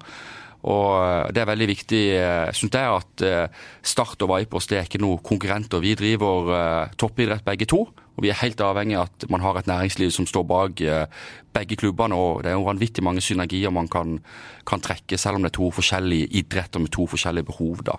Men eh, utrolig gøy at, eh, at Vipers gjør så bra. Så har du Kristiansand Topphåndball, som forhåpentligvis kommer med Kurt Mosvold i, i spissen. Det hadde vært gøy. Og så ser vi at eh, Arendal har starta salgskontor i Kristiansand. Det er jo eh, Ikke så gøy? jeg, jeg må jo heie, heie på Kristiansandslagene, Ja. men, eh, men de har jo eh, de, de har gjort det kjempebra. og det er sånn, vi må, Når det kommer sånn konkurranse, så må ikke vi være negative til det. Da må vi se på at det må trigge oss på at hvorfor i alle dager skal en bedrift i Kristiansand sponse Arendal håndball når du har Vipers og Start i Kristiansand? det går ikke. Nei, selvfølgelig ikke. Selvfølgelig ikke. Hvorfor skulle noen i Kristiansand sponse ØIF Arendal i herrehåndball i Norge? Det er jo totalt uinteressant. Det er jo noen Har du noen gang sett en håndballkamp i norsk herrehåndball på TV som har hatt mer enn 1000 seere? Aldri! Spons Start, som er Sørlandets stolthet, som nå har rykka opp i Eliteserien, eller spons er noen- som har vært i Jesper, Champions Jesper. League-sluttspiller det ene etter det andre. Det er jo noen bedrifter som eh, kanskje har hovedkontor i Kristiansand, og som er opptatt av å nå kunder i, i Arendal. Ja, Sponse Jævla har jo langt større nasjonal oppmerksomhet. Sparebanken Sør for eksempel, er jo et eksempel på Ja, noen ja, som er ja, men Sør begge- sponser ØIF Arendal fra før. Jeg snakker jo ikke om de. De har jo hovedkontoret sitt i Arendal. Ja jeg snakker om at en eller annen som driver en sykkelbutikk i Kristiansand by. Hvorfor i all verden skal han sponse noen der borte? ØIF er mer i Agderposten enn eh, Jerv. Ja, men Jerv er langt mer i nasjonal presse enn det ØIF Arendal er. Ja, men Spørs hvor du vil annonsere, da. Ja, ja, ja, ja. ØIF Arendal har vært på kamp der sjøl. Veldig fett på kamp, det må jeg bare si. Fantastisk stemning. 2000 på tribunen. Det er full kok. Kurtovic og co. De har virkelig fått det til. Jeg prøver ikke å snakke ned de på noen som helst måte hva gjelder de prestasjonene de har levert, men at noen i Kristiansand skal drive og sponse et håndballag der borte, da må de jo heller sponse Kurt og co., som har et spennende håndballag på gang her. Det blir kanskje ikke opprykk i år, men at Start etter hvert også vil ha et herrelag i Eliteserien, det håper jeg virkelig. Jeg husker sjøl jeg var på KIF-kamper da jeg var ung. Var ikke så mye på tribunen, var mest i bakgrunnen og spilte fotball på en av sidebanene, men det var god stemning. Det var veldig god stemning. Tore B. Johannessen tok meg med på kamp, var jo en av trenerne mine på Gimle Troll, så, så det var hyggelig. Nå får du et spørsmål fra David Vatne. Står jobbtilbudet fortsatt ved lag, spør han. Ja, selvfølgelig. Men han kommer jo aldri. Nei. Han er alltid sånn eh, 'takk for innbydelsen'. Ja, Han er det. Takk for invitasjonen. Ja. Ja, han er glad i den meldinga der. Hver gang han ser det skjer noe, så kommer det en melding i kommentarfeltet. 'Takk for invitasjonen'. Ja. Var sammen med Davy i Haugesund her om dagen. og Det må jeg si, Haugesund, FKH som de kanskje skal kalles, de har vært flinke på dette med samarbeid med, med partnere. Der var jeg på en julelunsj. Jeg tror det var 400 partnere som, eh, som satt der i, i salen og, og hørte på det vi hadde å servere fra scenen. Så FKH har jo vært flinke på dette i mange år. De har hatt en liten dipp pga. litt tung økonomi hos noen av de største sponsorene, men allikevel. De har eh, fått til noe spennende der borte. Så, Så er det utrolig bra gress. Det vet jeg spillerne i Start snakker om. Kunstgresset i, i hallen oppe Haugesund. At det er noe de kunne tenkt seg her. Ja, jeg håper og tror at vi skal dit, men det er ikke helt sikker på. Men det er jo i hvert fall et sterkt ønske fra spillerne. Vi må til Haugesund og spille treningskamp. Mormor og morfar har jo en enebolig i Men Skudeneshavn, som er 40 bo der, minutter da. fra, fra den De kan bo der. Ja, og så har de et gammelt hus til Klara, som er noen forfedre av, av mamma. Og så har de også et par minkhus, som vi kanskje kunne bygd om litt. Så Ja, kunne man kanskje bodd der i 15 sengeplasser, det holder vel det? 15 sengeplasser der, ikke sant? Bare rive ut de der minkburene, og så bare Mm. geine inn mennesker der. Og så ha frokost på låven, rett av gårde og trene, tilbake igjen. Men hvordan skal vi gjøre det i forhold til hvis vi skulle bygd om? Har vi noe vi kjenner som har erfaring med å bygge om hus? Ingen problem. Det kan bli litt dyrere enn antatt, men dette løser vi veldig greit. Hva angres mest på i tiden i start? Nevn en ting dere kunne ønske eh, kunne vært gjort om igjen. Ellers takk for at dere bruker private midler i klubben vi elsker. Hilsen Terje Roland. Eh, det er mange ting man angrer på. Og det tror jeg enhver bedrift angrer jo på ting man, ting man gjør. Hver person. Ja. Jeg angrer på mye. Hver eneste dag. Men eh, vi skal nevne Jeg tror det er to ting som jeg har lyst til å trekke fram. Eh, men jeg tror jo, tror jo at det har eh, ordna seg greit med begge det. Men vi, vi hadde jo en dialog med, med kommunen før vi, før vi kom inn i forhold til arenaen. Eh, men, og om at, for vi, vi, skjønte, eller vi visste jo allerede da at den kostnaden der, den, det er den som dreper klubben. Sakte, men sikkert så blir den stille død pga. den. Mm. Vi hadde en, eh, en dialog der, og mm, vi kom, eh, vi kom ikke i mål, men vi hadde jo ekstremt dårlig tid. For det Start måtte jo ha penger pronto. eh, Og da, på det tidspunktet der så var det hjertet for klubben som sa OK, men vi, vi, vi, vi blir med. Og så kan vi ordne det med, med kommunen i, i etterkant gjennom, gjennom dialog. Du har hatt avklart det først, før dere kom inn. Ja, men så tror jeg jo at, eh, at det ordner seg greit. Og at man faktisk det man trodde på den gangen, at man kunne løse det gjennom dialog, faktisk kommer til å løse seg nå. Men å ha gjort det i forkant ville nok vært enda smartere. Spart oss for, spart oss for, eh, for litt. Eh, og så eh, tror jeg at hvis jeg kunne velge om på nytt igjen Nå er det ikke sånn, det er ikke sånn det var ikke sånn at det var eh, meg eller vi i Start en drøm. altså Det var jo det var mange i klubben som, som ønska det på det tidspunktet der. eh, Men jeg hadde venta med å, å bytte logo. Det ble feil tidspunkt, rett og slett. Det, at det skulle bli så vanvittig trøkk rundt det, det Der mista vi nok noen, tror jeg. Ja. Så får vi håpe at vi kan få de tilbake igjen. En av de var jo tilbake på Åsen. Ja, i aller han- høyeste grad! Han du klemte. Ja, også, men, men Traff Kenneth Maier i Dronningens her i dag. Han skulle ned ta tatovering. Nye, nye logoen på Det ham. Helt vill nå. Men, eh, men de to tingene der um, Men det, det hadde jeg ikke gjort. Så er det en del som har, spurt om eh, rollen til Tor Kristian Christian Karlsen, som jo ikke eh, er her i, i dag, men han har et, arbeidsforhold. Og vi har jo skrevet at kontrakten hans, eller eh, forpliktelsene hans i, sta, i Start, går ut etter dette året. Hva skjer med, med TK? Ja, nå skal en eh, Nå skal vi gå gjennom det med, med Tor Christian oss nå i, før, eh, før vi bikker, eh, bikker nyttår. Så får, vi, så får vi se. Det er jo ikke noe hemmelighet at Tor har jo vært mye i, i Oslo i år og har hjulpet oss derifra. Og Atle Roar har jo vært den som har hatt eh, ansvaret for, for sport på, på lokasjonen. Eh, og så har jeg bare lyst til å berømme eh, Tor Christian. altså det, eh, Hvis du sa at jeg var en av de bleikeste på Gardermoen, så var han ganske bleik han òg. Jeg så hvor mye det betydde for eh, Du, han og Espen Børresen, dere kan dele den. eh, ja, topp tre. Ja, nei, så uh, Tor Christian er en eh, fantastisk eh, fin fyr som jeg syns har eh, litt ufortjent blitt hoggestabbe for veldig mange. Men sånn er det jo eh, når, ikke, når man henter mange spillere, og, og han er den som, som, som, eh, som er den eh, med ansiktet utad som fronter det. Det har jo vært en, en, et, en langt større prosess enn at det er ikke bare sånn at Christian har henta spillerne. Det har jo vært flere involvert i, eh, i de beslutningene, både trenere og, og andre i apparatet. Men han er jo den som har tatt støyten, da. Og så, så fikk han seg en eh, ja, god trøkk i påske. Mm. Gikk heldigvis bra. Og ja, jeg håper at, eh, at folk også kan applaudere litt arbeidet som Tor Christian har lagt ned i to og et halvt år. For han har virkelig hjerte for klubben og bryr seg om Start. Om det blir i akkurat samme rolle som han har nå, eller om det blir i en litt annen rolle i, i tida fremover, eller eh, fra utsida, eller hva det blir. Det, dette er en mann som har hjertet i Start eh, helt siden han kom inn, og kommer til å ha det i mange, mange år fremover.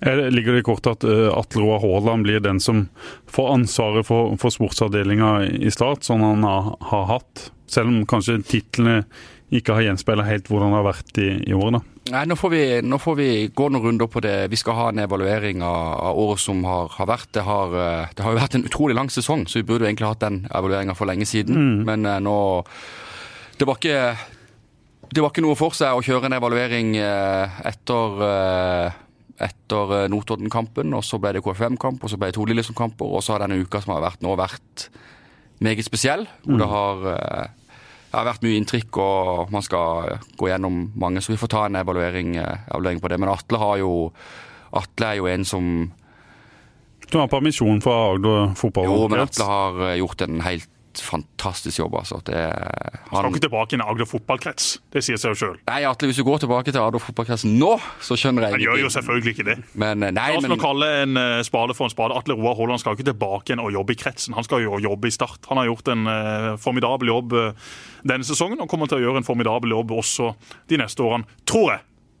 En, en strateg som har, har jobba mye med med strategien i, i start, og hvordan ting skal henge sammen helt fra, ja, har, fra 15-åringene til ja, A-laget. Kom jo inn som utviklingsleder og fikk eh, Det var veldig bra for oss at vi fikk, eh, fikk han med inn der. og fikk, eh, fikk litt tyngde rundt dette med de samarbeidsmodellene. Mm. Fikk skrudd det sammen og, og tok, tok, steget opp nå i år og, og var tok den administrative lederen for, for sport da, og har klart på en utmerket måte å, å sydd sammen disse to avdelingene sånn at det jobber som én en enhet og ikke to.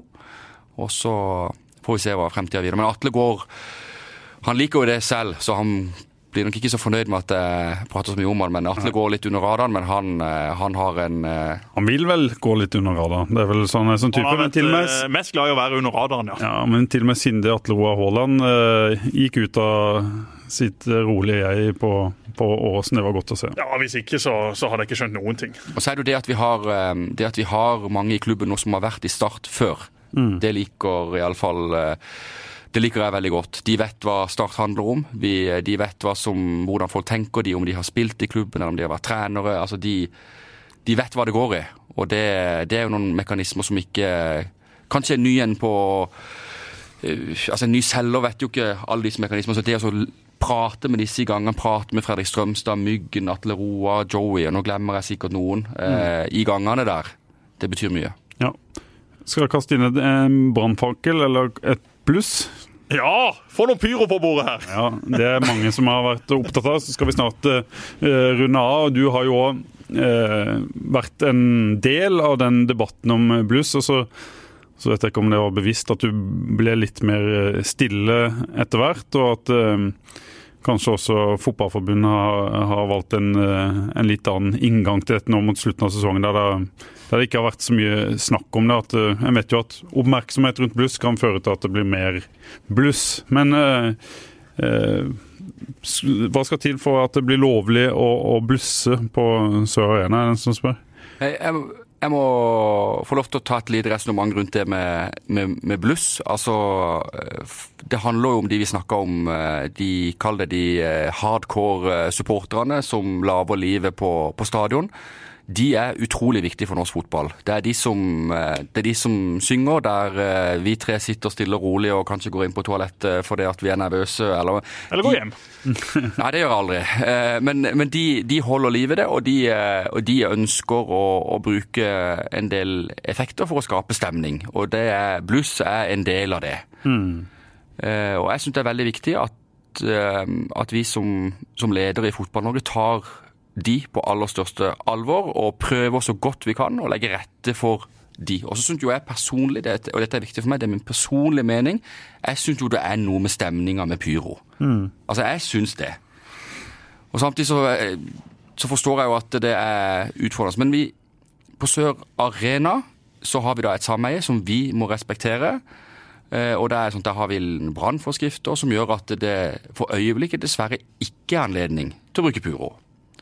Og det, det er supporterne klar over. At eh, reglementet på Sør Arena så er det ikke lov med pyroteknikk. Og Det må dere håndheve, for der er det jo politi på, på stedet og Securitas og Ja, og så har nok ikke eh, Vi må ta Altså, vi har mange frivillige som gjør en fantastisk jobb. De kommer på kamp eh, for, eh, for Jeg eh, trenger en ny forskrift, forskrift som sier noe om hvordan man håndterer det når man faktisk står med buss i, i hånda. Ja, det må man jo være ærlig på at eh, at der, eh, der bommer man, og det er veldig, det er veldig beklagelig. Men samtidig så håper jeg at man kan se forståelse for at dette er en frivillig som er på jobb og håndterer situasjonen i, sånn som han tror er riktig i der og da. Det er jo ikke profesjonelle folk som står på tribunen og er vakter alltid. Det er jo Men så er de jo ikke vant til å håndtere Kan man ikke kjøpe sånn e-bluss?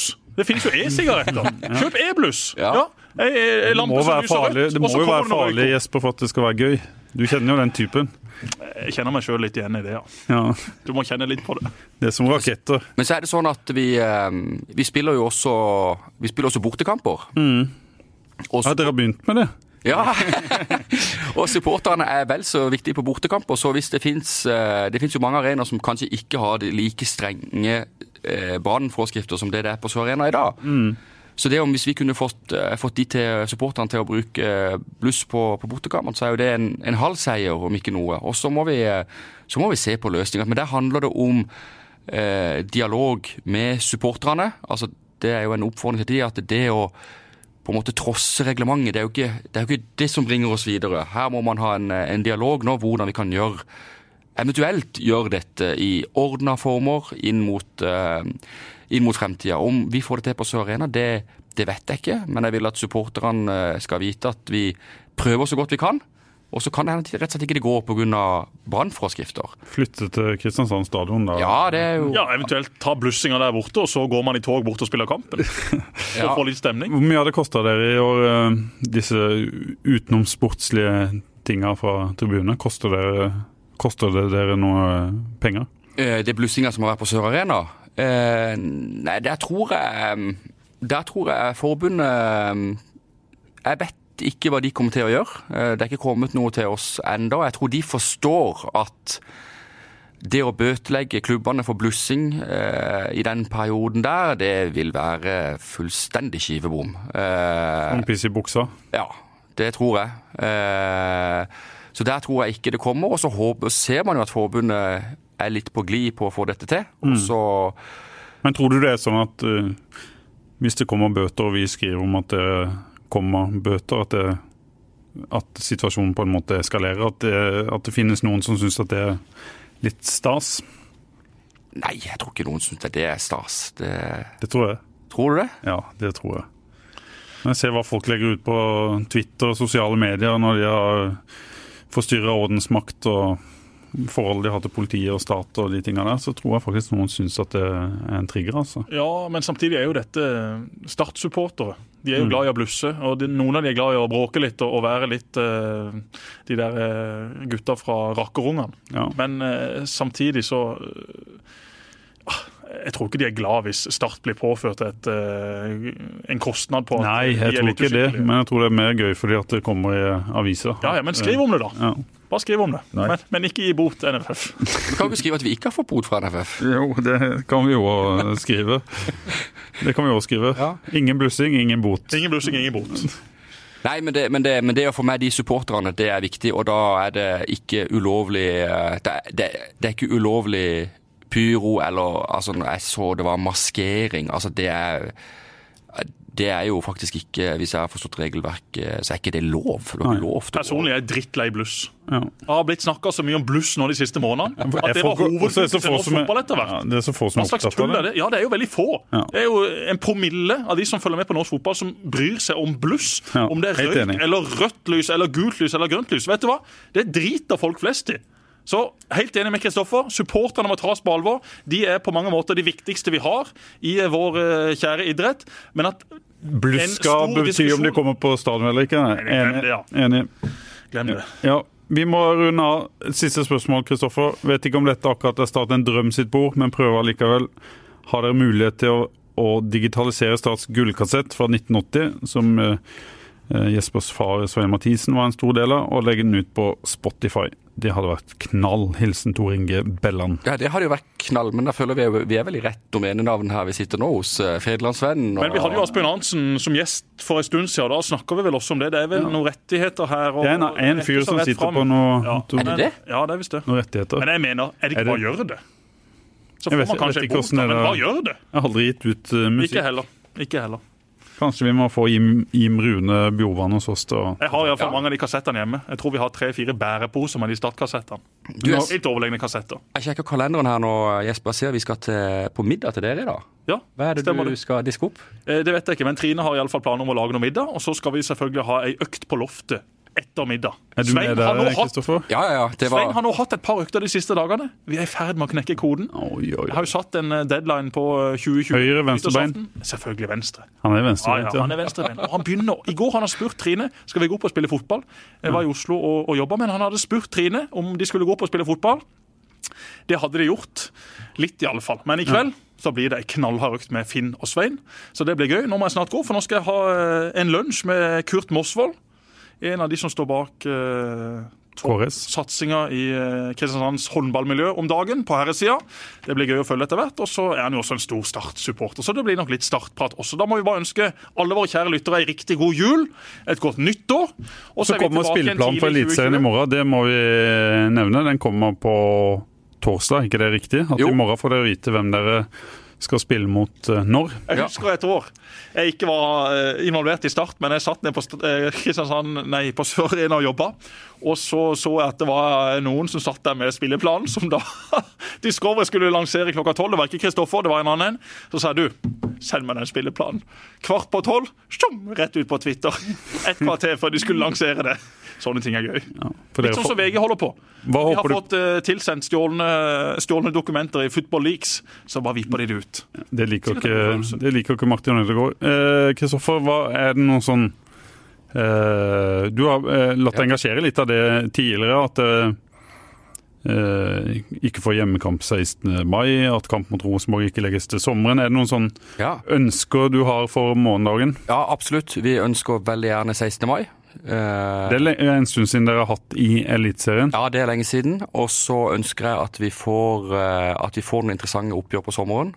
Kanskje Brann, Vålerenga, Viking. eh, Ja, jeg tror men det virker, Rosenborg. Ja, Rosenborg. Og så virker det som, det virker som forbundet og, og, og NTF, da, som er klubbenes organisasjon, de Det er jo en endring her nå. i forhold til at Mm. Skal vi ikke ha Start Viking i serieåpninga neste år? Hadde ikke det vært uh, gøy? Vil du ha det seinere? Jeg vil ha det senere for serier. Altså Første hjemmekamp kommer det mye folk på uansett. Ja. Så hvis man tenker litt med billettsalg, så tror jeg jeg ville hatt Viking litt Jeg tror jeg ville hatt Viking på enten på sommeren eller høsten. Du er ikke så opptatt av det, Jesper? Du skal spille 30 kamper hjemme og bort mot et For meg er det akkurat det samme. Jeg så at alle kampene skulle bli spilt i helga. Det tror jeg jo er er bra for de som liker å gå på kamp. Og så så jeg også at eh, de uttalte at dette gjorde de for eh, supporterne. Men det var vel også en avtale med distributørene som løp ut her. Så det kan jo være mer i den forklaringa enn det som er kommunisert. Uansett, jeg syns det er bra at kamper blir spilt eh, i helga, for eh, da blir det litt enklere for supportere å reise rundt og få med seg norsk fotball. Så det, det tror jeg er veien å gå. Selv om det da blir tøff konkurranse mot en del andre ligaer, så blir det jo også nå i sommer spilt kamper på hviledager i EM. og Det syns jeg også er en strålende løsning. Det å skulle ta så mye fri om sommeren fordi at det spilles et mesterskap som egentlig da ingen spiller fra Eliteserien er med i, det syns jeg bare er tull og tøys.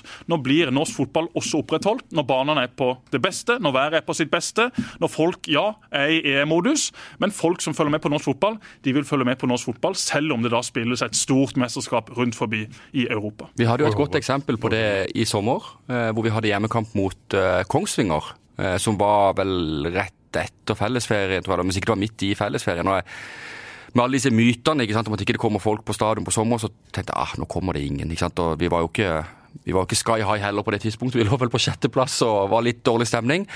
Men jeg husker jeg ringte til Maren eh, og spurte hvordan er trøkk i, i lukene, og aldri vært så mye trøkk. Turistene de skulle på startkamp. Så jeg tror jo de der mytene om at uh, det kommer Mange sørlendinger, ikke minst med eh, hjemme. Ikke sant? Ja. Så det, var, det har aldri vært så mye trøkk i billettluka som eh, Start Kongsvinger. eh, Nå husker jeg ikke dato, men det var på sommeren. Det var ikke fint vær også. Selvfølgelig var det det. Ja. Men tusen takk for at du kom, eh, Kristoffer. Og så kommer du vel igjen eh, seinere. Å ja, Han kommer tilbake. Ja, det gjør vi òg. Vi er tilbake sånn 6., 7., 8. januar, tenker jeg. Ja. Og Dere starter opp igjen eh, litt senere enn det dere kanskje hadde planer om? Rundt 15., eller? Ja, var det ikke det? 15. januar. Så da gleder vi oss til en ny sesong. Og så må vi bare få benytte anledninga til å takke alle som har støtta Start i året som har vært. Jeg håper alle dere støtter Start i året som kommer. Og så håper jeg også at vi får, får noen nye følgere både på stadion og på sosiale medier og alt med seg. Og så også en om ikke en takk, men eh, flott at Fedrelandsvennen følger laget så tett. Det setter vi pris på. Det er jo pga. de som sitter og hører på det òg, da. Ja, Så det er de vi, det er de vi får takke i dag. ja, men det Så må vi takke Martin Ramsland. Ja. Ja. Takk, Martin Ramsland. Tusen hjertelig takk for de tre målene du dunka inn på Åråsen. Det gjør jula mi og veldig mange andre her på Sørlandet uendelig mye bedre. Og så en siste hilsen til vår mest trofaste lytter. En fyr som har tatoveringer, biceps, brystkasse i en helt egen liga på Sørlandet. Han hører våre podkaster om igjen, om igjen, om igjen. Han kan mange av de utenat. Han hører på de hver kveld han legger seg, og så sovner han til stemmene til Pål, Jesper og da en eventuelt gjest. Eirik Skadal. Han skal få en spesiell julehilsen fra oss her i Fotballradioen. Vi er glad i det, og du er glad i oss. Stå på og hold oppe trøkket rundt fotballradioen også i 2020.